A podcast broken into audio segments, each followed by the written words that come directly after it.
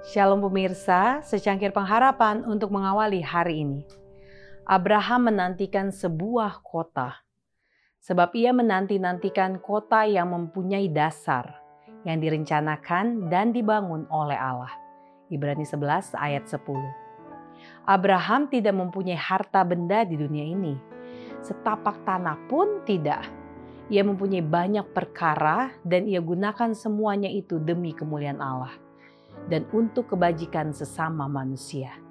Tetapi ia tidak menganggap dunia ini sebagai rumahnya. Tuhan telah memanggil dia untuk meninggalkan bangsanya yang menyembah berhala dengan janji akan memberikan kepadanya tanah Kanaan sebagai harta milik untuk selama-lamanya.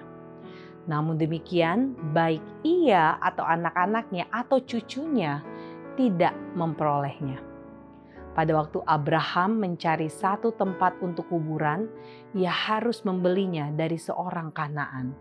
Satu-satunya harta miliknya di tanah perjanjian itu adalah liang kubur yang ada di gua Makpela. Tetapi firman Allah tidak pernah gagal.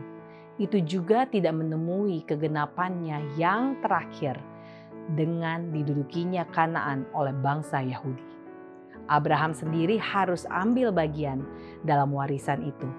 Dan Alkitab dengan jelas mengajarkan bahwa janji-janji yang diberikan kepada Abraham akan digenapkan melalui Kristus.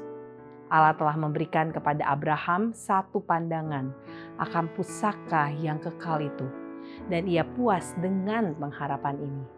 Karena iman, ia diam di tanah yang dijanjikan itu, seolah-olah di suatu tanah asing, dan di situ ia tinggal di kemah dengan Ishak dan Yakub yang turut menjadi ahli waris janji yang satu itu. Sebab ia menanti-nantikan kota yang mempunyai dasar, yang direncanakan dan dibangun oleh Allah.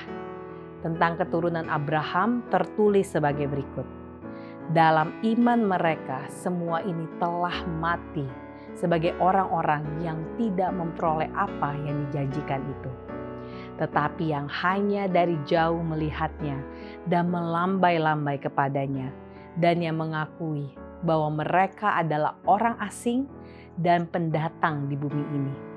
Kita harus hidup sebagai pengembara dan orang asing di dunia ini, jikalau kita ingin memperoleh tanah air yang lebih baik yaitu satu tanah air surgawi. Alfa dan Omega jilid 1 halaman 192 dan 193. Demikianlah renungan kita hari ini. Selalu mulai harimu dengan secangkir pengharapan.